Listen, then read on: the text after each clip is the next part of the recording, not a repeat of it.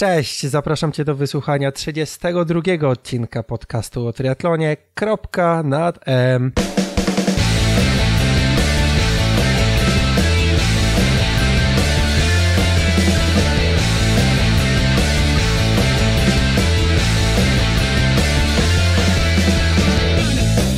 Dzisiaj mam aż e, dwóch gości.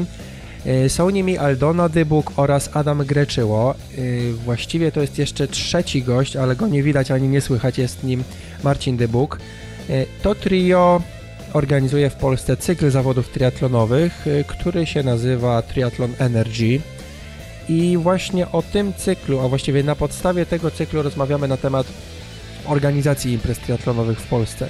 Co należy zrobić, żeby imprezę zorganizować, z jakimi tematami, z jakimi problemami spotykają się organizatorzy, mm, jakie kwestie techniczne należy, one, jakie kwestie techniczne należy zadbać, żeby zorganizować imprezę, mm, a jakie kwestie związane z marketingiem i tak dalej, i tak dalej. Aldona też trochę tutaj sprzedaje informacji odnośnie tego, co się będzie działo na tegorocznych imprezach z cyklu Triathlon Energy. Także myślę, że, że fajna wiedza, E, szczególnie dla tych narzekaczy wszystkich, e, którzy, e, którym się zawsze coś nie podoba na, na imprezie. Myślę, że ta rozmowa może otworzyć oczy niektórym osobom na, na, na fakt, na ile rzeczy trzeba zwrócić uwagę organizując imprezę triatlonową. Ok, nie przedłużam i zapraszam do wysłuchania naszej rozmowy. Cześć, witam Was. Witamy. Dzisiaj się widzimy z takiej okazji, że chciałem przybliżyć e, osobom, które nas mnie słuchają, oglądają, e, jak to się organizuje imprezy triatlonowe, a wy jesteście organizatorami imprezy, tak? Jaka to jest impreza? Tak, organizujemy cykl imprez triatlonowych pod nazwą Triathlon Energy, który odbywa się w roku 2017 w pięciu miastach: e, Gniewino, Starogard Gdański, Lidzbark Welski, Bełchatów i Mrągowo. Mhm. Czy po raz pierwszy mm, robicie imprezę lub cykl? Czy to jest któryś, któraś edycja? Nie, to jest druga edycja naszego cyklu. Wcześniej, mm, wcześniej jako mm, osoby mm, fizyczne współpracowaliśmy, czy byliśmy związani z różnymi imprezami sportowymi, nie tylko z triatlonem, a jako pod marką Triathlon Energy organizujemy drugi rok y, nasz cykl. W ubiegłym roku trzy imprezy, w tym roku pięć imprez. To za rok ile? E, no, jest gdzieś sufit. E, kalendarz i sezon jest dość krótki, w zasadzie od połowy maja do połowy września, więc e, adresując te imprezy do jeszcze mimo wszystko dość wąskiego grona odbiorców, chyba więcej niż pięć w cyklu nie da się zrobić. Wiadomo, że są też w kalendarzu terminy, można powiedzieć, święte samobójstwem byłoby robienie imprezy na Pomorzu, na przykład w terminie mm, Ironman Gdynia, tak? Mhm. Nie można wtedy liczyć w zasadzie na, na, na start uczestników. Jest problem w zasadzie ze wszystkim związanym z logistyką przy takiej imprezie, więc no, te terminy odpadają na ogół tydzień przed i tydzień po. To też są terminy trudne, bo zawodnicy, którzy wystartują w zawodach w Gdyni, nie wystartują wtedy w takich e, w takich zawodach, które zorganizujemy, no więc e, ten kalendarz rządzi się swoimi prawami i naprawdę więcej niż pięć byłoby nam bardzo trudno w, wcisnąć, ale e, oprócz imprez triatlonowych mamy pomysły na inne imprezy i tutaj pewnie będziemy starali się w jakiś sposób ten sezon przedłużyć. Mhm. Może teraz powiemy, jaka jest, e, jaka jest, czym się charakteryzują te nasze imprezy, bo te imprezy Triathlon Energy to mm, tak naprawdę e, troszkę inna jakość e, eventów triatlonowych w Polsce, a mianowicie mm, to nie tylko rywalizacja i dobra zabawa dla zawodników, amatorów czy zawodowców, tak zwanych prosów, ale także wchodzimy bardzo mocno w lokalne społeczności i staramy się te społeczności lokalne, czyli miejscowości, w których organizujemy, zaangażować. Y, czy to przez zwykłe kibicowanie, mm, ale też w jakimś sensie zarazić ich tą aktywnością. Zależy nam na tym, żeby, żebyśmy nie byli tak takim e, tyrkiem, który przyjeżdża, rozkłada się, pakuje, wyjeżdża, ale żeby zostawić po sobie jakiś ślad. Dlatego bardzo blisko współpracujemy e, zawsze z gospodarzami miast, z lokalnymi społecznościami, z organizacjami, stowarzyszeniami i staramy się skupiać, jak naj, dotrzeć do jak największej liczby osób i takich właśnie instytucji e, pozarządowych, e, żeby mm, po pierwsze e, też w cudzysłowie sprzedać im trochę takiej raz, że naszej energii, a po drugie, żeby ich zarazić aktywnością fizyczną, bo wierzymy mhm. też mocno w to, że ruszenie się z przysłowiowej kanapy spowoduje, że rzeczywiście zaczynamy w swoim życiu trochę inaczej funkcjonować. Musimy, jeżeli zaczynamy chociaż, chociażby biegać, bo przecież też organizujemy nie tylko rywalizację, rywalizację indywidualną, ale także w sztafetach. Czyli jeżeli ktoś nie lubi pływać albo nie umie pływać, to może z, z, skrzyknąć się z swoimi znajomymi. Jedna osoba płynie, druga jedzie na rowerze, trzecia biegnie. E, więc e, staramy się po prostu zarazić właśnie aktywnością, bo wierzymy w to, że e, aktywność właśnie powoduje, może powodować bardzo dobre zmiany w życiu człowieka, z czego doświadczyliśmy też na, na swoim przykładzie. To nie jest tak, że nie mamy czasu. Oczywiście każdy ma tego czasu bardzo mało dzisiaj, prawda? Jesteśmy absorbowani przez różne wydarzenia i to, co się dzieje w naszym życiu, czym się zajmujemy, rodzinę, dom, pracę i tak dalej, pasję. Mhm. Ale to jest też taki dobry moment, żeby sobie zobaczyć, czy faktycznie faktycznie nie ma zupełnie czasu, żeby wygospodarować, nie wiem, pół godziny dziennie albo dwie czy trzy godziny tygodniowo na to, żeby właśnie coś zrobić dla siebie, albo żeby poczuć się lepiej, żeby sobie pobiegać, nie wiem, pojeździć na rowerze. Mhm, no tak, no na barkach organizatorów jest, yy, spoczywa to, że trzeba rozpędzić jakby tą machinę, tak? Tych triatlonistów w Polsce wcale nie ma aż tak wielu. Więc jakby trzeba nie tylko zapraszać na swoją imprezę, ale jakby też e, stymulować ludzi do tego ruchu. Znaczy, wbrew pozorom, e, ja uważam, że no, jest bardzo dużo triatlonistów w Polsce. On jest bardzo popularny. Mm. Może nie ma tak dużo jak w innych krajach. Ale typu do biegaczy na przykład. No tak, nie? to na Gdzie pewno. No bo każdy uważa. Było. No właśnie, więc dlatego, że e, każdy, no na pewno nie jest tak łatwy ten sport do. No, łatwo założyć buty, kurtkę mm. i mhm. wybiec na ścieżki biegowe. Mhm. Natomiast dużo trudniej się pewnie każdy jak sobie myśli, ojej, pływanie, ojej, rower, tak, bo trzeba coś przejechać ale już też, ale to można sobie naprawdę bardzo, z racji tego, że ten sport jest coraz bardziej popularny, więc e, po pierwsze te akcesoria, które są nam potrzebne do tego, żeby trenować e, triatlon, już nie są takie drogie jak kiedyś, jeszcze kilka lat temu, mhm. a po drugie można sobie też, można kupić używane, można to sobie zorganizować w taki sposób, że to nie aż tak bardzo budżetu e, e naszego nie obciąża. Jest to możliwe i to jest, e, i to jest myślę taka najważniejsza e, informacja, że, że jest to możliwe, że, że, że można to i przeżyć, i można się przygotować i no chociażby do tego najkrótszego dystansu, tak, czyli którą my, który jest u nas na naszych zawodach, czyli jednej mhm. ósmej, to jest raptem pół kilometra, niecałe w wodzie, 22,5 na rowerze i później 5 kilometrów z kawałkiem no biegu. Właśnie, to może przejdźmy do tej bardziej technicznej kwestii, jeśli chodzi o organizację. Skąd, nie, może jeszcze mm, rozpoczynając temat, skąd się wzięła idea, hmm, czy ktoś z Was sobie pomyślał, hej, zorganizujmy triatlon, czy kto, od kogo się w ogóle zaczęło? E, to jest winne. No, można powiedzieć, że, że zaczęło się ode mnie. E, po prostu mm, w rozmowach z wieloma znajomymi zawodnikami, których spotykam na, na, na zawodach, e, Wiadomo, jak to w Polsce, lubiliśmy sobie ponarzekać, a to, że nie ma basenu na mecie, a to, że strefa finishera jest biedna, a to, że w pakiecie nic nie było. No wiadomo, mhm. takie polskie narzekanie. No, no, no. Rozmawiając ze, ze znajomymi, stwierdziłem, kurczę, przecież tak łatwo spytać ludzi, słuchajcie, czego wam brakuje w tych imprezach i zrobić imprezę, która spodoba się wszystkim. No i stąd jakby wziął się pomysł, że startując w różnych imprezach, e, nie wymieniając nazw, miejscowości i tak dalej, bo to nie jest istotne, czegoś nam w każdej z tych imprez brakowało. Jak była bogata strefa finishera, to atmosfera była słaba. Jak była fajna atmosfera, to nic nie było w pakiecie. Jak nie było coś w pakiecie, to znowu nie było strefy finishera i tak dalej, i tak dalej. E, jakby i stąd wziął się pomysł na to, że jest na rynku jeszcze miejsce, tak nam się, mi się wtedy wydawało, żeby zrobić fajną, fajny cykl imprez triatlonowych, ale ponieważ e, mi się wydawało, czy też wiedziałem, co trzeba zrobić, żeby tą imprezę zorganizować, natomiast nie miałem zupełnie nie, nie jestem typem marketingowca, czy, czy, czy człowieka, który potrafi sprzedawać, tak? No wiadomo, że tą imprezę trzeba sprzedać. Trzeba ją sprzedać z jednej strony zawodnikom, z drugiej strony trzeba ją sprzedać sponsorom, a z trzeciej strony trzeba ją sprzedać samorządowi lokalnemu, mhm. E, żeby ten samorząd lokalny przekonać do tego, że zamknięcie miasta, ulicy na, no nie na godzinę, tak jak bieg na 5 km, czy na dwie godziny, jak bieg na 10 km, tylko trzeba zamknąć miasto w zasadzie od godziny 8 do 15, w niektórych miejscach do 17, bo jest etap biegowy, potem jeszcze sprzątanie i tak dalej, i tak dalej, więc trzeba przekonać miasto, żeby miasto chciało taką imprezę zrobić i jakoś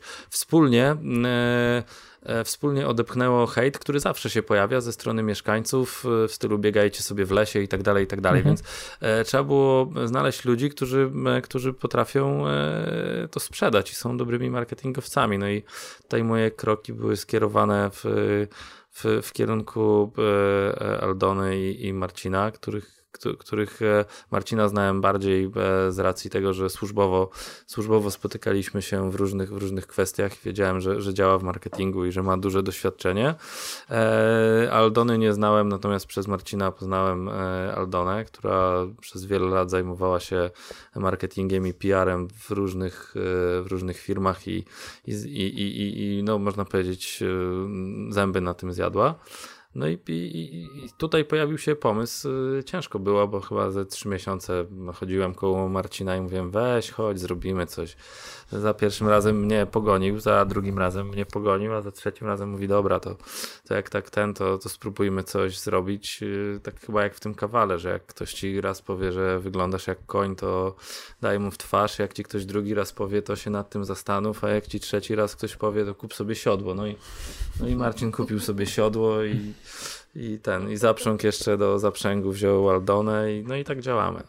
Okej, okay, Marcin siedzi tutaj poza kadrem, y, przegląda się rozmowie. Mm, okej, okay. wymyśliliście, że zrobicie triatlon, czy od razu pomysł był na cały cykl, czy I, Małymi krokami raczej idea była pojedynczego startu. Mój pomysł był taki, żeby to był od razu cykl i różne były z tym e, problemy, z tym cyklem pierwszym w, w ubiegłym roku, ale, ale w, bardzo chciałem zrobić cykl, dlatego że no, uważałem, że w naturalny sposób e, poszerzamy sobie rynek i jedna impreza żyje dość krótko. Wiadomo, trzeba ją zorganizować, ale po tej imprezie to są 2-3 tygodnie życia i, i w zasadzie e, ze względów czysto czysto, można powiedzieć, organizacyjno-finansowo-logistycznych, lepiej jest robić cykl, bo wiadomo, że trzeba kupić pewną bazę sprzętu, na podstawie której y, można taką imprezę zorganizować. Czy się ma dwa balony, trzy czy pięć, na to zawodnicy nie zwracają uwagi, ale już na sztuczną trawę, wykładziny, stojaki na rowery, y, całą, y, cały sprzęt, który jest dookoła, na to, na to zawodnicy zwracają uwagę. Wiadomo, że trzeba to kupić. Skoro trzeba to kupić, to y, prościej jest y, zainwestować pieniądze w ten sprzęt i niech on na siebie zarabia nie na mhm. jednej imprezie, tylko na trzech, pięciu, y, kilku, tak? Stąd jakby Jasne. pomysł był na to, żeby to był cykl. Czyli żeby ta utylizacja była jak największa. Okej, okay, tak. czyli cykl i dystanse jakie u was są? I czy od razu miały takie być? Czy tutaj, czy to było oczywiste, że takie będą? Jak to wyglądało? Znaczy, od razu pomysłem był cykl, na którym są trzy dystanse, dlatego żeby każdy mógł znaleźć e, coś dla siebie. I tutaj znowu marketingowcy wymyślili. E, ja nawet nie, chyba nie pamiętam i nie potrafię dokładnie powtórzyć. Jedna ósma dystans dla wszystkich. E, Aldona, może ty mi po, podpowiesz. Nie, to jedna ósma dla każdego, tak, dla jedna czwarta dla. Ważnych tak, nie pamiętam tego. Właśnie, nie pamiętam. No takie hasło mieliśmy właśnie, bo, mhm. bo też e, te lokalizacje były bardzo różne i, i właściwie do każdego, to były takie właśnie trzy osobne case'y, e, do których trzeba było podejść bardzo indywidualnie. Zresztą tak zawsze podchodzimy do tego, co robimy. Mhm. Czyli nie idziemy szablonem, tylko jakby wchodzimy w temat, rozkładamy na części pierwsze. E, o ile w Starogardzie, Starogard jest takim bardzo dosyć sportowym miastem i triatlon był tam już kilkanaście, kilkadziesiąt lat wcześniej, więc jakby wracał do, do, w to miejsce. Tak w innych miejscowościach, jak Lidzbark, który jest bardzo małą miejscowością, Lidzbark Welski, a nie Warmiński, który mhm. jest 160 km od Warszawy, koło Działdowa. No, można powiedzieć, że to w ogóle ludzie nie bardzo wiedzieli, co to jest w ogóle triatlon. Dlatego podobnie zresztą w Bełchatowie, gdzie organizowaliśmy też na takim dosyć niekonwencjonalnym miejscu, bo na zbiorniku e, na Słoku, tuż koło elektrowni, taki bardzo malowniczy, fajnie to wyglądało, mhm. E, ale e, no, każda z tych miejscowości wiązała się z takim właśnie dużym wyzwaniem też komunikacyjnym, żeby to, żeby to do odpowiednich osób dotarło i każda tak naprawdę z tych imprez no, była różna. Na pewno to, co jej łączyło i to potwierdzili też nasi zawodnicy, to atmosfera, że rzeczywiście udało nam się zbudować taką atmosferę, gdzie no, każdy czuł się dobrze. I to uważam za nasz ogromny sukces i też te oceny, które nam zostały wystawione. Oczywiście my zawsze wiemy, to też, żebyśmy nie popadli w jakieś takie fałszywe e, samochwalstwo, e, bo, bo, bo uważamy, że, że błędy zawsze jakieś się popełnia i trzeba patrzeć do tyłu i wyciągać wnioski. I zresztą tak właśnie działamy. Staramy się słuchać tego, co mówią zawodnicy i podejmować kroki, ale y, rzeczywiście no, każdy z tych zawodów miały trochę y, inny charakter. No właśnie, ale tutaj jest pięć zupełnie różnych lokalizacji, znaczy zupełnie różnych, rozrzuconych po Polsce. Czy wy jesteście z Trójmiasta, czy tak, to znaczy to jest pięć lokalizacji, ale tak naprawdę trzy województwa, ponieważ e, mhm. Gniewino i Starogard Gdański to jest województwo pomorskie. Mhm, okay. Później Lidzbark e, i Mrągowo, które jest na zakończenie sezonu, to warmińsko-mazurskie, no i Bełchatów województwo łódzkie. Bełchatów powtarzamy, bo był w ubiegłym roku. Troszkę będzie zmieniona, e, zmieniona forma tych zawodów, znaczy inna będzie trasa kolarska, mhm. e, inna trasa biegowa, ale, mm, ale to tak naprawdę są trzy województwa. Okay, czyli wymyślam sobie, że chciałbym zorganizować triatlon. Gdzie moje pierwsze kroki powinienem skierować? Do, yy, nie do marszałka, w sensie do władz województwa, czy do władz yy, danego miasta? Jak to wygląda? Po, po, pierwsze, jak sobie wymyślisz, że chcesz zorganizować e, triatlon, to mhm. E, musisz sprawdzić, e, czy da się ten triatlon zorganizować, czyli czy jest tam woda, na której możesz bezpiecznie przeprowadzić pływanie i czy można tam pływać, tak? To, to po pierwsze. Po drugie, czy masz drogi, na których przeprowadzisz etap rowerowy. Po trzecie, mm, trasa biegowa, też musisz sprawdzić, czy ona jest. No i po czwarte, musisz sprawdzić, czy te drogi przez przypadek się nie krzyżują. No, droga wodna z drogą rowerową i biegową się raczej ci nie skrzyżuje, mhm. ale trasa rowerowa z trasą biegową może się skrzyżować. No i tutaj e, pierwszy ten musisz tak poprowadzić trasy i takie wytyczyć, żeby one się nie krzyżowały, no bo wiadomą rzeczą jest, że jak pierwszy zawodnik skończy rower i pójdzie na bieg, to jeszcze kilku albo kilkuset będziesz miał na etapie, e, na etapie rowerowym, tak? I to, i to jest pierwsza, pierwsza sprawa, o której musisz pomyśleć. Druga mhm. sprawa, to najlepiej skontaktować się e, z zarządcą dróg, bo taką sytuację mamy na przykład w Lidzbarku, który leży na skrzyżowaniu dwóch dróg wojewódzkich mm, i tych dwóch dróg wojewódzkich nie jesteś w stanie zamknąć na 6 godzin, w związku z tym e, trzeba wymyśleć coś, co pozwoli przeprowadzić zawodników przez te dwie drogi wojewódzkie e, i, i przeprowadzić w ogóle tą imprezę, czy to jest realne, więc kontakt z zarządcą drogi. No i e, trzecia rzecz to kontakt z miastem, czy miasto w ogóle widzi taką imprezę w swojej strategii, czy miasto się zgodzi na to, żebyś zamknął ulicę w tym mieście, no bo musisz je zamknąć na kilka godzin. No i e, nie ma co ukrywać, ważne też jest wsparcie finansowe miasta, bo taka impreza nie ma szans, żeby została sfinansowana z wpisowego zawodników, e, jeżeli to wpisowe e, ma być oparte o realia rynkowe, czyli o to, co mamy na rynku. Wiesz, e, mhm. ile kosztuje jedna czwarta mm, w zawodach w Polsce, więc musisz mieć świadomość, że zawodnicy nie będą chcieli zapłacić dużo drożej, tak? Dwa razy drożej czy trzy razy drożej, gdyby ta impreza miała się finansować bez wsparcia sponsorów i bez pieniędzy i bez pieniędzy miejskich, więc to jest trzecia rzecz. Dodać jedną rzecz, taką myślę, że bardzo istotną. Przede wszystkim no pomysł to nie wszystko. E, jeżeli coś się robi, to, to trzeba to robić z pasją i, i te gdzieś drogi no, nas doprowadziły do takiego wspólnego punktu, czyli organizacji eventów, z czym mieliśmy już do czynienia wcześniej w, swoim, e, w swojej pracy zawodowej. E, to po pierwsze. Po drugie, mm, no, to są takie wszystkie ważne rzeczy, o których mówił tutaj Adam, techniczne, ale tak naprawdę.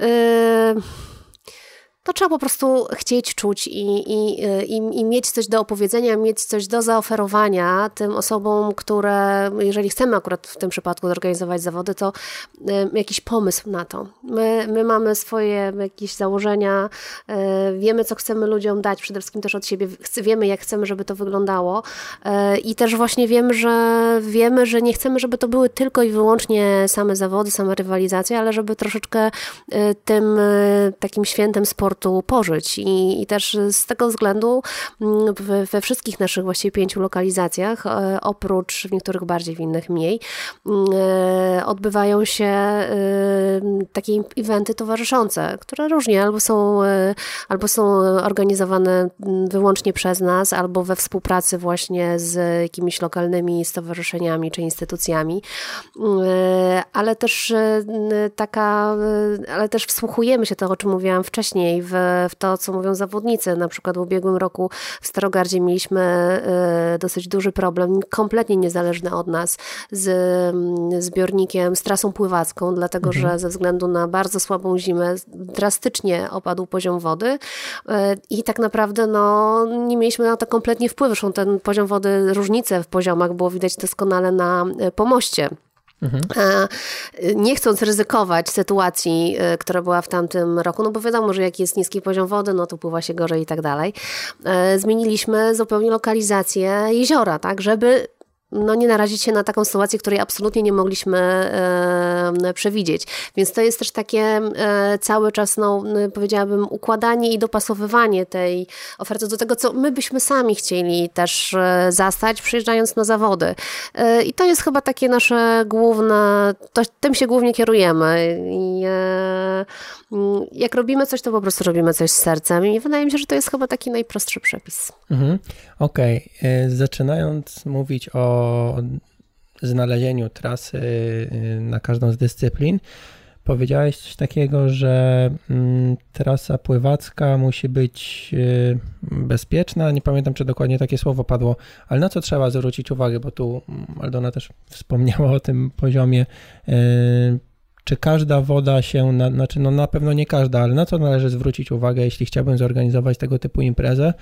Mm, na co powinienem zwrócić uwagę, jeśli jestem przy zbiorniku wodnym i teraz nie wiem, czy dno nie jest kamieniste, czy jest strefa po, po, zmian pierwsze, blisko. Po, po, pierwsze musisz zwrócić uwagę na to, czy w tym zbiorniku wolno w ogóle pływać, tak? No bo jest o. wiele zbiorników, w których e, pływanie jest na przykład zabronione ze względu na czystość tej wody, tak? Nie, nie wpuścisz ludzi do wody, która nie ma badań sanepidu.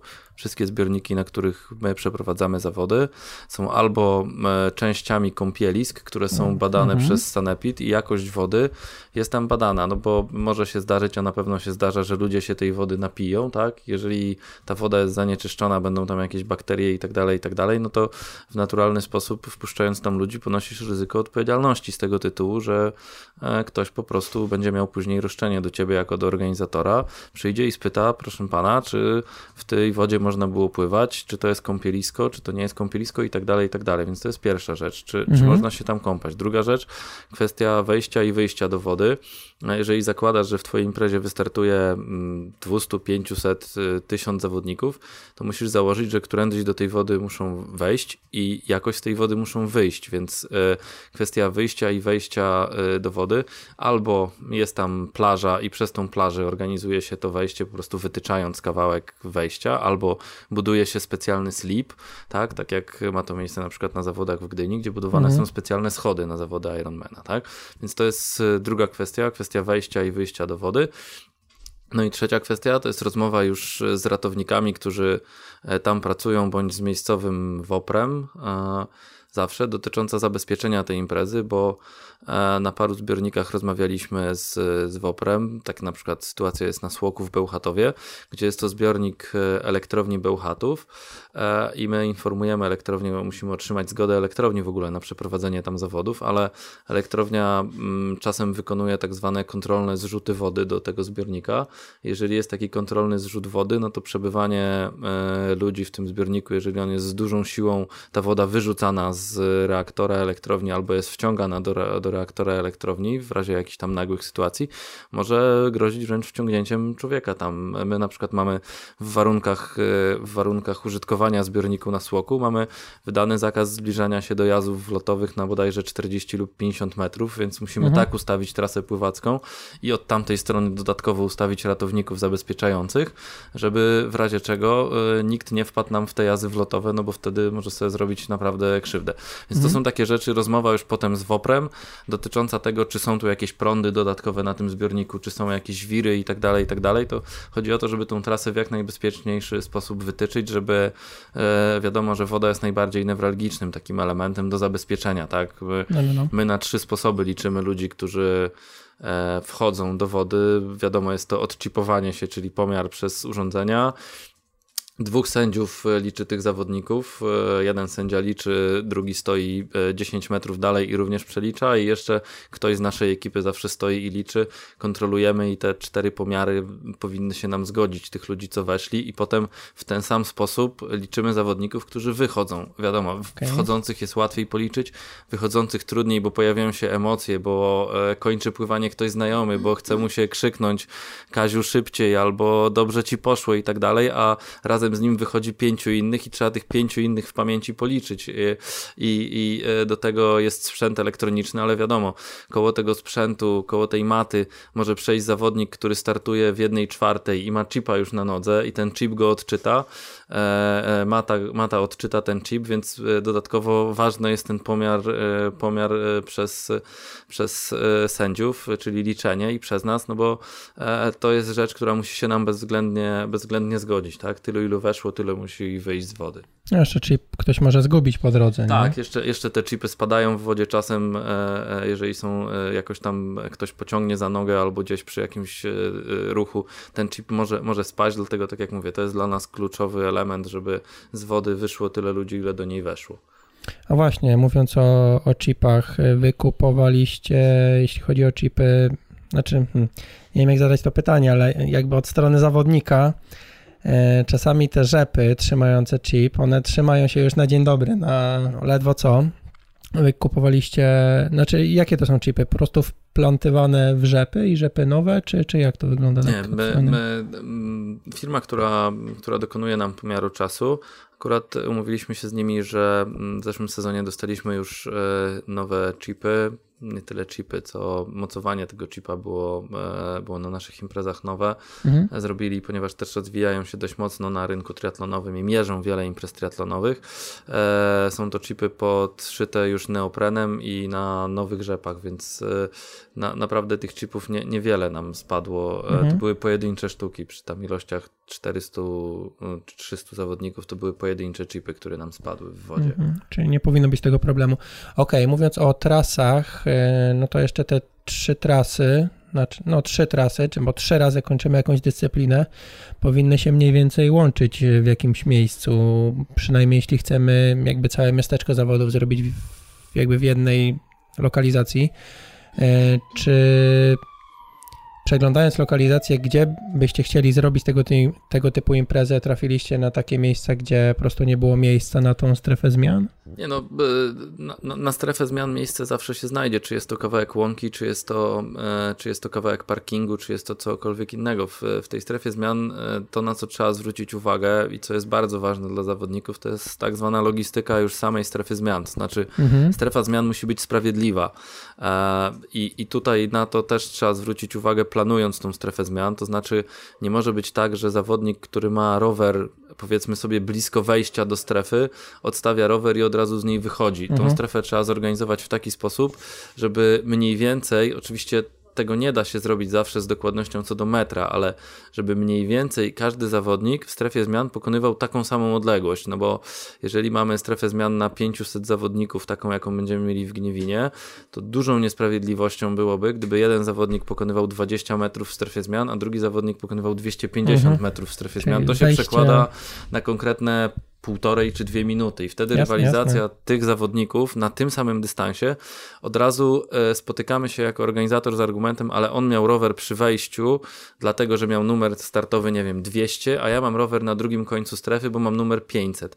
E, jest to niesprawiedliwe, dlatego tą strefę zmian, oprócz tego, że trzeba znaleźć miejsce, które jest w miarę płaskie, utwardzone e, i odpowiedniej wielkości, trzeba znaleźć, trzeba tą strefę zmian rozwiązać tak, żeby jeżeli wejście i wyjście odbywa się przez ten sam punkt, to żeby zawodnik w strefie zmian pokonywał ją na przykład dookoła. No różne są tutaj, rękaw no, no, no się właśnie. buduje, e, rękaw z płotków, tak, ślimak jakiś i tak dalej, i tak dalej. Chodzi o to, żeby ona była sprawiedliwa, żeby zawodnicy, którzy mają rower przy wejściu i na drugim końcu strefy, pokonywali dokładnie mniej więcej ten sam dystans. Mhm. O czym trzeba pamiętać e, jeszcze organizując samą strefę zmian? Pierwsze, co mi przychodzi jakby na myśl, to ochrona, jeśli no, ludzie zrzucają sprzęt tak, to, e, dzień wcześniej, przed zawodami. Wi wiadomo, że ochrona jest rzeczą kluczową i od momentu otwarcia strefy zmian, za strefę zmian odpowiada ochrona. Jest to obszar chroniony i dostęp mają tylko zawodnicy posiadający opaskę e, służby techniczne organizatora, mhm. posiadający identyfikator i ewentualnie e, media, ale tylko w trakcie zawodów, czyli już po starcie media posiadające identyfikator mają tam wstęp, tak? Nikt inny do strefy zmian nie powinien wejść. Tak samo wydawanie tych rzeczy po zawodach odbywa się tylko za okazaniem numeru startowego, opaski i tak dalej. Też nie wyjdzie nikt z tej strefy zmian. To, to jest oczywiste, natomiast y, drugą rzeczą ważną, ponieważ jesteśmy chyba pod kątem logistyki imprez, to można powiedzieć, że robimy dwie najtrudniejsze imprezy w Polsce w tym roku. W zeszłym roku zrobiliśmy chyba najtrudniejszą logistycznie imprezę w Polsce triatlonową, a ponieważ zrobiliśmy imprezę na dwie strefy zmian i takich imprez kilka już jest, natomiast ja nie znajduję imprezy triatlonowej w Polsce, która ma trzy dystanse i dwie strefy zmian. Bo my, proszę zauważyć, że my robimy imprezę na dwie strefy zmian, i pomiędzy tymi dwoma strefami zmian kręcimy trzy dystanse. E, jeżeli mhm. masz strefę zmian w lokalizacji A i drugą strefę zmian w lokalizacji B, no to pomiędzy tymi lokalizacjami masz zawsze określony dystans kilometrowy, tak? Jest to tam 10 km, 15, nie wiem, 51, 50 w Warszawie jest takim przykładem. Mhm. Jedziesz 40 km z Nieporętu do Warszawy, zostawiasz rower w Warszawie i biegniesz po Warszawie, ale to jest jeden dystans. My pomiędzy punktem A i punktem B kręcimy trzy dystanse i tak jest w Starogardzie i w tym roku tak będzie również w Bełchatowie, ponieważ przenieśliśmy metę do centrum miasta. Na prośbę miasta i na, na to, że miastu się triatlon spodobał i miasto chce mieć Fajnie. metę metę triatlonu u siebie, w samym centrum miasta, przed Urzędem Miejskim, naprzeciwko gigantów mocy, w pięknym parku, e, piękny, długi dobieg do mety pomiędzy drzewami w Nowej Alei, e, to, e, to, to, to musisz na to jeszcze zwrócić uwagę, bo jeżeli robisz imprezę na dwie strefy zmian, no to e, cała logistyka z tym związana. Nie rezygnujesz z koszyków, dostarczasz zawodnikom worki, w których zostawiają swoje rzeczy. Te worki potem musisz zapakować do samochodu i przywieźć je zawodnikom do strefy, gdzie kończą, bo nie wszyscy chcą wracać z powrotem nad wodę, albo jest to dla nich kłopotliwe, tak? Więc te, te rzeczy które, które my robimy, mm, to tak jak mówię, impreza na dwie imprezy w tym roku, w zeszłym roku jedna, w tym roku dwie, gdzie masz trzy dystanse i dwie strefy zmian, e, więc każdy zawodnik musi pokonać określony dystans na rowerze. E, no i potem już zejść na bieg, ale zejście na bieg, jeżeli mm, schodzą wszyscy w tym samym miejscu, to po prostu wytycza się pętlę, która ma 5250 metrów i, i dystans 1 ósma, 1 czwarta, 1 druga na tych pętlach pokonuje. Natomiast przy rowerze, jeżeli ta strefa zmian jest w dwóch różnych miejscach, e, to jest dość duże utrudnienie dla organizatora. Domyślam się, jakby zastanowić się nad tym chwilę, no to też dostają albo pętle, no bo strefy są dwie, nie jest tak, że stref jest e, cztery, że trzy, trzy strefy rowerowe dla każdego dystansu, więc... Nie, strefy są dwie i meta jest dla wszystkich w tym samym miejscu, więc jakby... Mhm. No, trzeba no nad tym chwilę się zastanowić, tą logistykę tak ustawić i teraz y, na tej trasie wiadomo, że w którychś miejscach musisz ustawić nawroty. I teraz cała zabawa polega na tym, żeby tak zaplanować godziny startów poszczególnych dystansów, żeby ludzie się nie pozabijali na tych nawrotach, bo wiadomo, że jedna druga i jedna czwarta będzie miała nawrót w zupełnie innym miejscu, więc zawodnik mhm. jadący na dużej prędkości z jednej i drugiej e, musi przejechać punkt, w którym jedna czwarta nawraca, tak? No i teraz staramy się to ustawiać tak, żeby czołówka i środek, czyli zawodnicy średni. Mówiąc na myśli zawodników średnich, mam tu na myśli zawodników, którzy na połówce łamią 6 godzin, a na jednej czwartej spokojnie łamią 3 godziny żeby ta największa grupa zawodników się e, na tych nawrotach nie spotykała, tak? Jasne. A na jednej ósmej wiadomo jest to półtorej godziny. różnica prędkości. Czy tam godzina 35, tak? Ci zawodnicy, którzy schodzą poniżej godziny 35, żeby oni się na nawrotach wzajemnie nie spotykali, bo to powoduje duże ryzyko kolizji w tych miejscach, tak? Wiadomo, że zawodnik z jednej drugiej, jeżeli ma długi odcinek prostej, to składa się, jedzie w pozycji aerodynamicznej ponad 40 na godzinę albo w okolicach 40 na godzinę,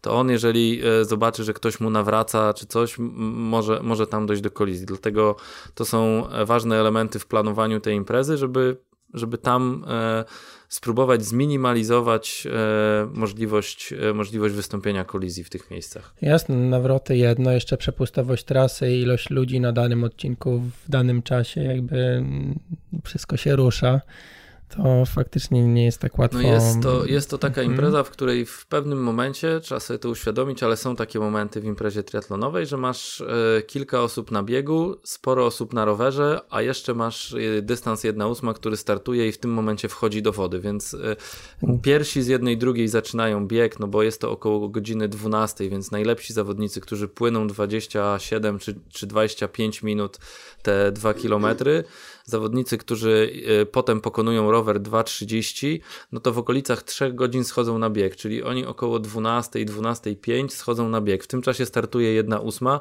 a jedna czwarta, która wystartowała godzinę szybciej, jest w tym czasie na rowerze, bądź również najlepsi z jednej czwartej powoli zbliżają się do końca etapu rowerowego. Więc do zabezpieczenia pod kątem bezpieczeństwa tutaj już medycznego masz trzy etapy i też musisz w taki sposób rozlokować służby medyczne odpowiedzialne za to, żeby do każdego zawodnika była w stanie dotrzeć y, pomoc, gdyby tej pomocy potrzebował, tak? Na wodzie WOPR, mhm. ale na etapie rowerowym i biegowym już są to ratownictwo medyczne, lekarze, karetki i tak dalej. E, trzeba to też wziąć pod uwagę planując tą imprezę. Wow, dobra. E, takie jeszcze pytanie, które dwie imprezy mają e, dwie strefy zmian, znaczy w dwóch różnych miejscach? Starogard Gdański i Bełchatów. Okej, okay, dobra, to przy okazji odwiedzę jedną z nich.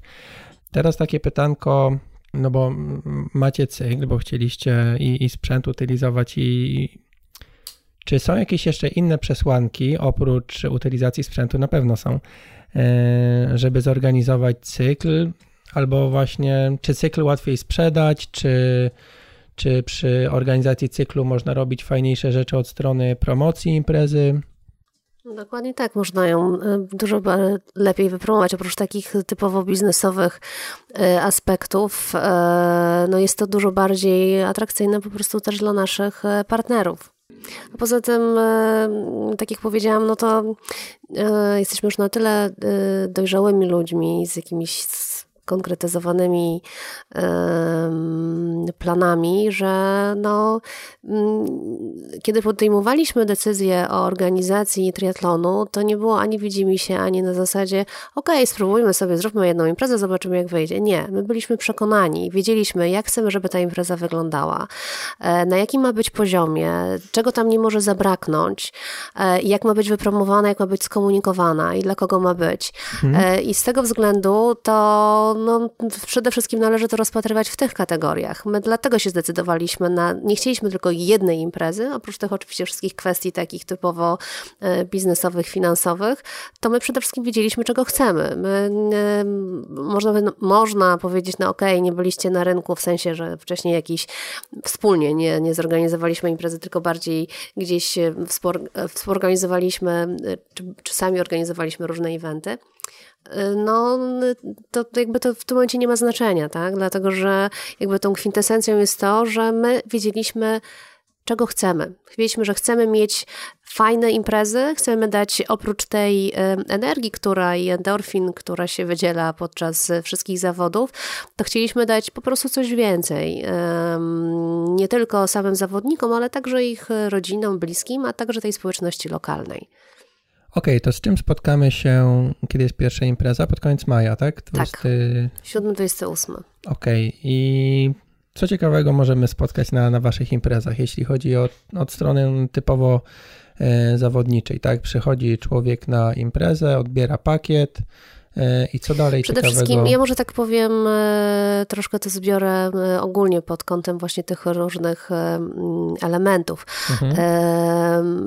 Nasze pakiety startowe, nazwałabym takie kolokwialnie, są robione na bogato. To znaczy, nie ma tam tylko i wyłącznie stosu ulotek reklamowych plus numer startowy mhm. i naklejki na rower, bo tak w większości to wygląda. My e, naszym zawodnikom dajemy także pasek startowy, dajemy jakiś gadżet i w, każdym, w każdej miejscowości, w każdej lokalizacji to jest e, inna zupełnie rzecz. W Gniewinie to będzie akurat kubek, który jest jakby specjalnie produkujemy. To nie są kubki, które są e, robione, po prostu kupowane gdzieś, tylko my je zamawiamy i z has Mogę chyba zdradzić, że to będą takie nasze e, wymyślone przez nas e, hasła. Oprócz tego, oprócz takich oczywistych rzeczy typu Racebook, na których często też się nie, nie ma tego na, na zawodach, że zawodnik dostaje racebook. No są nieaktualne, jakby ja polegam na informacji od organizatora i mm, małe lub nowe imprezy często gęsto nie małe imprezy nie, nie informują zawodników o tym, co kiedy będzie. O ile harmonogram no, jest dostępny raczej, choć czasami ciężko go znaleźć na stronie, o tyle wiele innych informacji odnośnie nie wiem, przewyższeń na trasie już nie ma dostępnych, więc ja polegam na Racebooku i no, chciałbym też przy okazji publikacji tej rozmowy namówić wszelkich organizatorów do wydawania tego i do aktualizowania tego, jeśli, jeśli coś się zmienia bo, bo sporo w zeszłym sezonie miałem takiej sytuacji, że albo nie było jakiejś informacji, albo była na przykład z poprzedniego sezonu. No to też zależy, a rok wcześniej tak, już powiedziano, czego się że spodziewamy. Coś się zmieni. Mhm. Czego się spodziewamy właśnie po, po Racebooku? No to są bardzo podstawowe informacje. Mhm.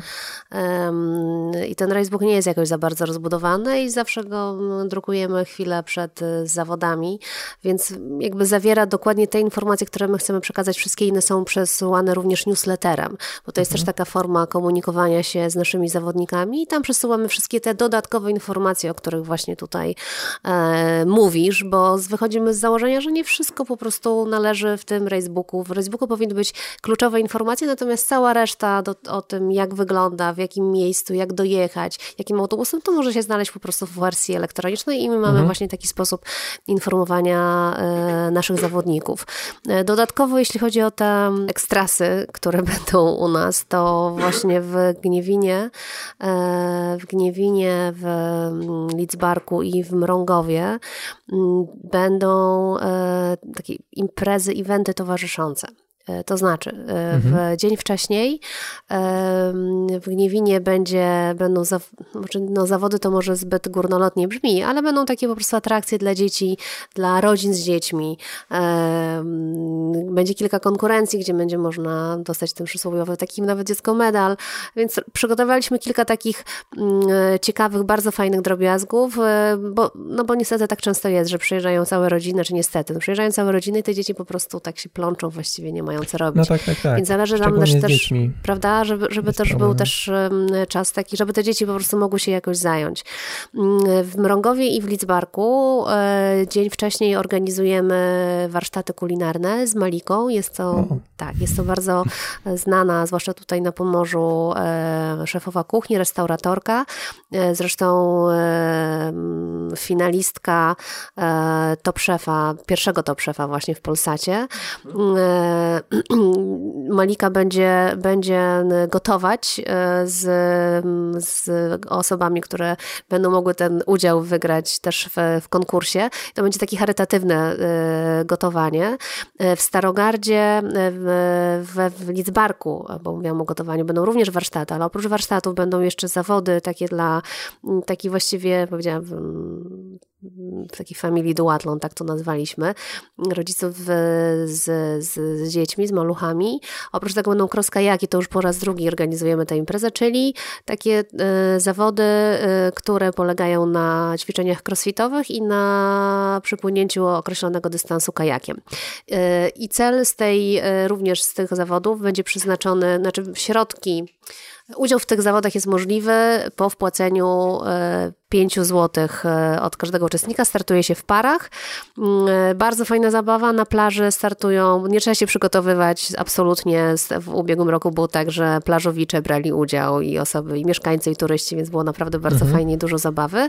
I wspieraliśmy Nicki Fundusz Lokalny, bo, bo współpracujemy również z MKON-em, który jest dosyć, Marcin Konieczny jest dosyć znany w środowisku triatlonowym.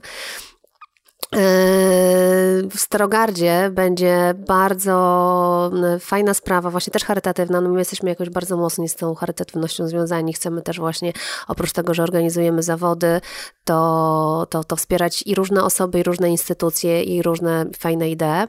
E, wystartuje Rafał Butny ze swoją chrześnicą, Paulinką, która jest e, dziesięcioletnią, która jest osobą niepełnosprawną z porażeniem mózgowym czterokończynowym. Wystartują na dystansie 1,8. E, no, myślę, że to będzie ogromne wydarzenie. W ubiegłym roku mieliśmy taki właściwie przedsmak tego w Lidzbarku, kiedy nasz też kolega Marek Pałysa startował z, z pełnosprawnym dzieckiem. To jest, to na pewno wydajemy także gazetę. To jest bardzo, bardzo ciekawe i bardzo fajny element też tych różnych działań, które prowadzimy. Gazeta, która będzie na wszystkich cyklach darmowa, doręczana do, właśnie do pakietu startowego, gdzie opisane są takie z jednej strony zwykłe historie ludzi, którzy właśnie weszli, weszli ze swojej strefy komfortu i zaczęli albo uprawiać triatlon, albo w ogóle coś zaczęli ze swoim życiem robić. Można powiedzieć przysłowiowo, że zeszli z kanapy, chociaż to nie zawsze jest adekwatne, nie lubię tego określenia. Y, będą też porady, rozmowy z ciekawymi y, osobami, ze znanymi osobami w ogóle w świecie triatlonu, zawodnikami, którzy, którzy, którzy y, zajmują bardzo wysokie lokaty w zawodach i krajowych i, i międzynarodowych. Także to jest taka bardzo, no, co będzie coś do poczytania. Mm, e, nie wiem, co jeszcze e, oprócz tych, oprócz nowych tras, nowych, e, nowych czy w Bełchatowie, czy właśnie w Starogardzie. Tak jak wspominałam, jest w Starogardzie nowa trasa pływacka na jeziorze Bożechowskim Wielkim. Będzie, jest bardzo szybka trasa rowerowa, także można, można zrobić życiówkę. Na której? E, na Starogardzie. Okay. W Starogardzie. Chociaż w Bełchatowie właściwie ona też jest taka płaska, wypłaszczona. Mm, tylko, że będzie teraz w tym roku troszkę inna. W Bełchatowie ma trochę zakrętów. Właściwie ta z ubiegłego roku miała sporo zakrętów. W tym roku będzie chyba trochę łatwiejsza, prawda Adam? Troszeczkę, troszeczkę łatwiejsza, tak. mi właśnie te zakręty, mi sprint w Gdyni się wydawał taki mega szybki, no bo właściwie mm, Janka Wiśniewskiego prosta, długa, nawrotka i znowu długa, prosta, tylko że żeby wyjechać z centrum, to trzeba się pogibać trochę prawo, lewo e, i nagle czas, jaki ja tam miałem, dokładnie wyszedł. Podobny czas, jakby przemnożony przez dwa miałem na Olimpijce, gdzieś tam, gdzie górki jeszcze były, mhm. więc jakby. E, a w Starogardzie z kolei na jednej ósmej startuję, więc też jakby się nie nastawiam. Mm, no ale fajnie, jak, będzie szybko. E, I jeszcze taka, jeszcze jedna, e, jedna rzecz, którą dodaliśmy także w tym roku, w każdych, e, mm, przy każdej, w każdej lokalizacji dzień wcześniej będzie, oprócz tej tradycyjnej odprawy, organizujemy też takie spotkania, takie wykłady z znanymi osobami z świata triatlonu, między innymi właśnie z Marcinem Koniecznym, którzy mhm. będą, będą jakby poruszać bardzo różne zagadnienia z związane z triatlonem, z aktywnością um, i dotyczące też tych trzech dyscyplin, każdy, znaczy nie wszystkich naraz dyscyplin, ale tych trzech dyscyplin, które jakby obejmuje e, triatlon. Jak ktoś by chciał e, posłuchać Mkona jeszcze, to cztery odcinki wcześniej, w 28 odcinku e, Kropki na Dem była nasza rozmowa. E, ok, a ile osób jest oprócz Was, oprócz Waszej trójki, zaangażowanych w organizację imprezy oraz później w odbycie się samej imprezy? No, sami to nie dalibyśmy rady, chociaż e, stawiamy na, na, na pracę zespołową i to te imprezy, które robimy, to jest na pewno wynik pracy całego zespołu. Wiadomo, że no, jesteśmy trzonem tego zespołu, Aldona, Marcin i ja. Tutaj jakby rodzą się pomysły i, i, i rodzą się też jakby różne od razu pytania i wątpliwości, natomiast samą imprezę realizacyjnie podzielone jest to wiadomo na, można powiedzieć, takie kilka grup e, realizacyjnych. To jest e, powiedzmy ta ekipa zarządzająca, która wymyśla i wytycza kierunki. Potem jest realizacja, mm, czyli kierownicy poszczególnych odcinków. Zawsze jest kierownik trasy pływackiej, kierownik trasy mhm. rowerowej, kierownik trasy biegowej. Te osoby mają, e, mają pod sobą e, część ekipy technicznej. Ta ekipa techniczna, e, zależnie od ilości zawodników, skomplikowania tras, ilości stref zmian, ale, ale ona liczy od 15 do, do 20 osób. Mówię zależnie od, od stopnia skomplikowania imprezy. Potem nieocenione służby, czyli OSP, OSP plus wolontariusze. E, to są osoby, które pomagają nam w zabezpieczeniu trasy, obsłudze bufetów itd., tak itd. Tak to e, zależnie od też stopnia skomplikowania imprezy, ilości skrzyżowań, wyjazdów z posesji itd., tak itd., to wolontariuszy jest zawsze około 100 plus, czyli jest to od powiedzmy tam 90 do 120, 130 wolontariuszy przy naszych imprezach.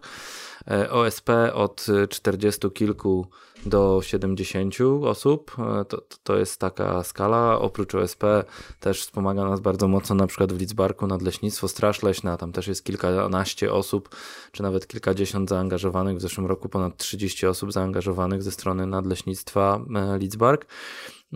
Kolejna grupa E, to jest biuro zawodów e, i strefa mety. Tam jest następne 10 do 12 osób, które pracują, żeby pokroić te, bo to też rzecz, z której pewnie zawodnicy nie zdają sobie sprawy, ale na takiej imprezie, gdzie jest 500 zawodników, to można powiedzieć 700 kilo arbuza e, idzie i te 700 kilo arbuza ktoś musi pokroić i to te małe rączki wolontariuszy, e, tam staramy się chłopców przydzielać do tego, wiadomo, ale, ale to ci wolontariusze muszą te 700 kilo arbuza pokroić, muszą pokroić mniej więcej pół tony albo czasem nawet więcej pomarańczy, no i mniej więcej tyle samo bananów, jakieś 400-500 kilo, czyli jest to półtorej tony owoców, które trzeba pokroić.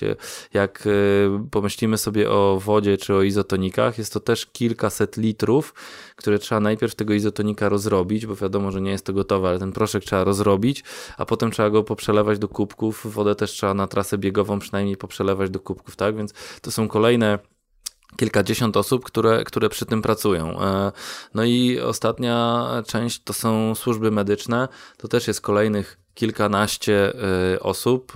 Na ogół jest to, na ogół są to dwie karetki, czyli sześć osób. Na ogół jest to e, dwa e, motory, które patrolują trasę rowerową, motory ratunkowe, dwa patrole piesze plus namiot, e, namiot reanimacyjny na, na mecie, tak, tak zwany reanimacyjny, ale tam udzielamy pomocy zawodnikom, którzy potrzebują kroplówki, którzy potrzebują elektrolitów i tak dalej, i tak dalej.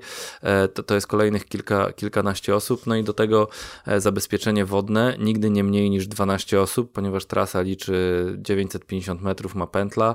Zgodnie z wymogami ustawy na każde 100 metrów pętli, jeden, e, na każde 100 metrów trasy jeden ratownik, więc to jest 10 osób.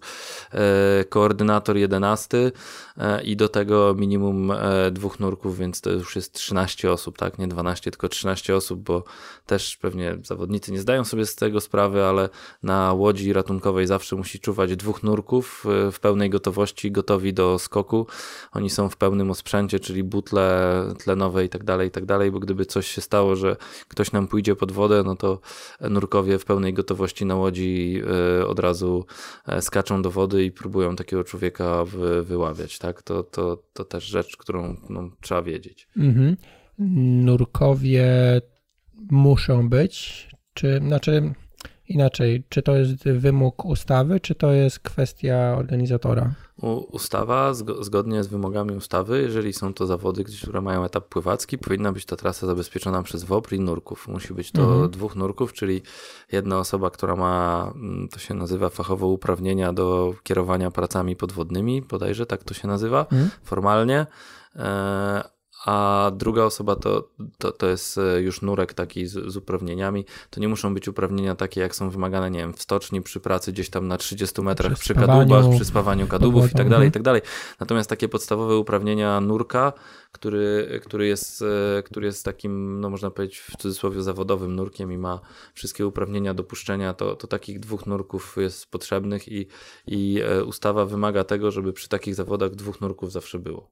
Mhm, Okej. Okay. Czy takie służby jak y, WOPR, OSP, to są koszty dla organizatora, czy tutaj miasto jakoś w jakiś sposób? Nawet, na, nawet jeżeli to nie są koszty w sensie fizycznym, to, to, to są to koszty, bo tym ludziom trzeba się za ich pracę w jakiś sposób odwdzięczyć i, i, i podziękować. Nawet jeżeli OSP przychodzi i mówi zabezpieczymy tą imprezę, zorganizujemy 70 osób, no to nawet niegrzecznie by było im w żaden sposób nie podziękować, więc nawet jeżeli fizycznie nie płaci się im 5, 10, 15, 100 czy 200 zł, to, y, to, to, trzeba im w jakiś sposób podziękować. Z OSP jesteśmy zawsze umówieni tak, że my do miast, w których mamy triatlon, pojawiamy się tam, albo staramy się tam pojawić, albo nasz przedstawiciel się tam pojawia na 4 maja bodajże na święcie świętego Floriana, który jest patronem strażaków. Mhm. To jest 2 maja albo 4 maja, zawsze mi się myli, ale na święcie świętego Floriana zawsze się pojawiamy i w jakiś sposób tym strażakom dziękujemy. Albo jest to beczka piwa, oni mają wtedy swoje zawody strażackie, i albo jest to beczka piwa. Wiadomo, że po imprezie zapraszamy tych strażaków na jakieś jedzenie i tak dalej, i tak dalej. Więc nawet jeżeli fizycznie, a nie zdarzyło nam się, powiem szczerze, przy organizacji zeszłorocznego cyklu i z ustaleń, które mamy na ten rok, nie zdarzyło nam się, żebyśmy e, OSP czy wolontariuszom płacili jakiekolwiek pieniądze, tak? Na ogół jest to właśnie mm, podziękowanie w stylu beczka piwa, jakieś ognisko, grill zorganizowany dla nich, tak? Więc dla nas jest to jakiś koszt. Wiadomo, że gdybyśmy mieli zatrudnić 70 70 osób na jeden dzień, byłby to pewnie większy koszt, ale, ale to są rzeczy, o których trzeba myśleć i zawsze z tyłu głowy trzeba mieć, że okej, okay, możemy nie kupić im tej beczki piwa, oszczędzimy 200-300 zł, ale my za rok tu wracamy, tak? W Starogardzie jesteśmy drugi, drugi rok, w Lidzbarku jesteśmy drugi rok, w Bełchatowie jesteśmy drugi rok. I jak ja wyjmuję telefon komórkowy i dzwonię do e, szefa czy do prezesa OSP, on odbiera i mówi: Panie Adamie, fajnie, kiedy ta impreza robimy, oczywiście jesteśmy, będziemy i tak dalej. E, trzeba ich traktować, te wszystkie służby, które z nami współpracują, trzeba traktować po, po partnersku. Policja też zabezpiecza nam trasę za darmo z, z wymogów ustawowych, ale też w normalny sposób z policją trzeba rozmawiać, trzeba przedstawić im odpowiednio wcześniej plan zabezpieczenia imprezy, plan wszystkich skrzyżowań, trzeba im powiedzieć, czego od nich oczekujemy, ile osób będzie potrzebnych i to trzeba robić z wyprzedzeniem nie dwóch tygodni, bo dwa tygodnie wcześniej wiadomo, że jest grafik zrobiony co najmniej na miesiąc, ale to trzeba robić dwa, trzy miesiące wcześniej, żeby z tymi służbami się spotykać, rozmawiać i potem oni sobie planują swój grafik e, i, i, i szanują nas, że przyszedł organizator, porozmawiał dwa miesiące szybciej, nie jest to robione tydzień przed na ostatnią chwilę i tak dalej, i tak dalej. Więc to y, w normalny sposób z tymi służbami trzeba współpracować i, i wyrobione z nimi kontakty potem i te partnerskie relacje tylko procentują w, w trakcie imprezy, bo oni też traktują tę imprezę jako swoją i wiadomo, że chcą, żeby ta impreza wyglądała jak najlepiej. I to jest dla nas mega ważne, mm, te, te relacje, które, które budujemy, bo taki e, nasz kolega triatlonista mm, Kuba Gebhardt, on zawsze powtarza, prowadzi swój interes w Szwecji i on zawsze mówi, że w Szwecji nie prowadzi się biznesu, w Szwecji buduje się relacje i my na te relacje, zwłaszcza z lokalnymi społecznościami, to co Aldona mówiła, lokalne społeczności, ale w te lokalne społeczności też wpisuje się OSP, wolontariusze, e, policja, e, urząd miasta i tak dalej, i tak dalej. To wszystkie instytucje, które wydają nam decyzje, zarządy dróg powiatowych i tak dalej. My z nimi wszystkimi utrzymujemy relacje, nawet, nie wiem, przez coś, co wydaje się banalne, ale wysłanie życzeń na święta, tak? No to e, pamiętamy o tym i na święta wysyłamy tym ludziom kartki z życzeniami. Na ogół spotyka się to z, z, z, miłym, z miłą reakcją, bo dwa czy trzy dni później przychodzi od nich kartka świąteczna z życzeniami dla nas. Więc jakby no, te relacje budujemy i one są dla nas bardzo ważne. Super, no miło słyszeć, że, że takie stanowi, po takiej stronie jakby stajecie, że tutaj budujecie relacje, że nie jesteście tutaj na chwilę, żeby coś tam, nie wiem, nachapać się i, i odejść, tylko że jakby w tym długim terminie chcecie działać, to mm, no nie wiem, może, może ja mam jakoś inaczej, ale mi się wydaje, że to się bardzo ceni. E, Okej, okay, bardzo dziękujemy Znaczy, ja bardzo dziękuję za rozmowę. Ja, my też dziękujemy. dziękujemy. I co, i zapraszamy na Triathlon Energy, tak? Zapraszamy, zapraszamy. Oczywiście strona Triathlon Energy pisane razem przez Y na końcu triathlonenergy.pl. Zapraszamy na naszego Facebooka na Instagrama, na Twittera, tam wszędzie jesteśmy obecni w tych mediach społecznościowych, może z różną e, częstotliwością, ale wiele ciekawego się dzieje, zwłaszcza w naszej czytelni e, na stronie Triathlon Energy, gdzie również coś, czego chyba nie ma w polskim triatlonie, wśród organizatorów imprez na pewno, rozmawiamy tam z ciekawymi ludźmi i prezentujemy tam ciekawe wywiady. Było tam Agnieszka Jerzyk, był Marcin Konieczny, była rozmowa z Markiem Łucykiem o organizacji Mistrzostw Świata Ironman w Gdyni, e, była rozmowa z Emilem Wydartym, który przejechał Cape Epic, także wiele ciekawych materiałów tam znajdziecie i naprawdę można tam coś po, poczytać. Okej, okay, no i, i, widzimy się następnym razem. Widzimy się w Gniewinie 27-28 maja, 18 czerwca w Starogardzie, 1-2 mhm. lipca w Lidzbarku Welskim koło Działdowa, 23 e, lipca w Bełchatowie i na koniec ostatni weekend sierpnia 27, 28, 26-27 sierpnia w Mrągowie. Kończymy sezon. Aha, no ja będę w Starogardzie, na pewno i w Mrągowie, ale się jeszcze zastanawiam nad tym terminem przed Ironmanem, właśnie dwa tygodnie, tak wcześniej rozmawialiśmy, że to jest dobra okazja, żeby się jeszcze gdzieś tam sprawdzić. sprawdzić. Mhm. Okej, okay, dobra, Dziękujemy. dzięki jeszcze raz. Dzięki za wysłuchanie naszej rozmowy. Mam nadzieję, że się podobało i że ta wiedza w jakiś sposób y, uświadomi Wam, jakim wyzwaniem jest zorganizowanie imprezy y, tego typu, imprezy triatlonowej.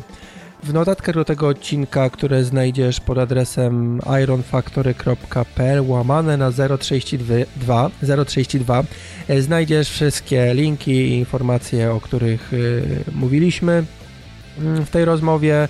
Z tego miejsca też chciałbym podziękować osobom, które wspierały mnie na Patronite i zaprosić Ciebie również na stronę moją na Patronite, a może jeśli chcesz wspierać ten program, y, żebym mógł realizować te rozmowy, odcinki, ten podcast, tą audycję w nieco lepszej jakości i z nieco większą częstotliwością, to również zapraszam Ciebie na, na, na stronę y, patronite.pl łamane na Iron Factory y, i tyle. Zapraszam do następnego E, odcinka, który powinien za 2-3 tygodnie się pojawić oraz, e, no tak jak też e, wspominałem w samym podcaście do, do, do rozmowy z Mkonem, czyli do 28 odcinka. No i tyle na dzisiaj. Dzięki wielkie i do usłyszenia. Heja!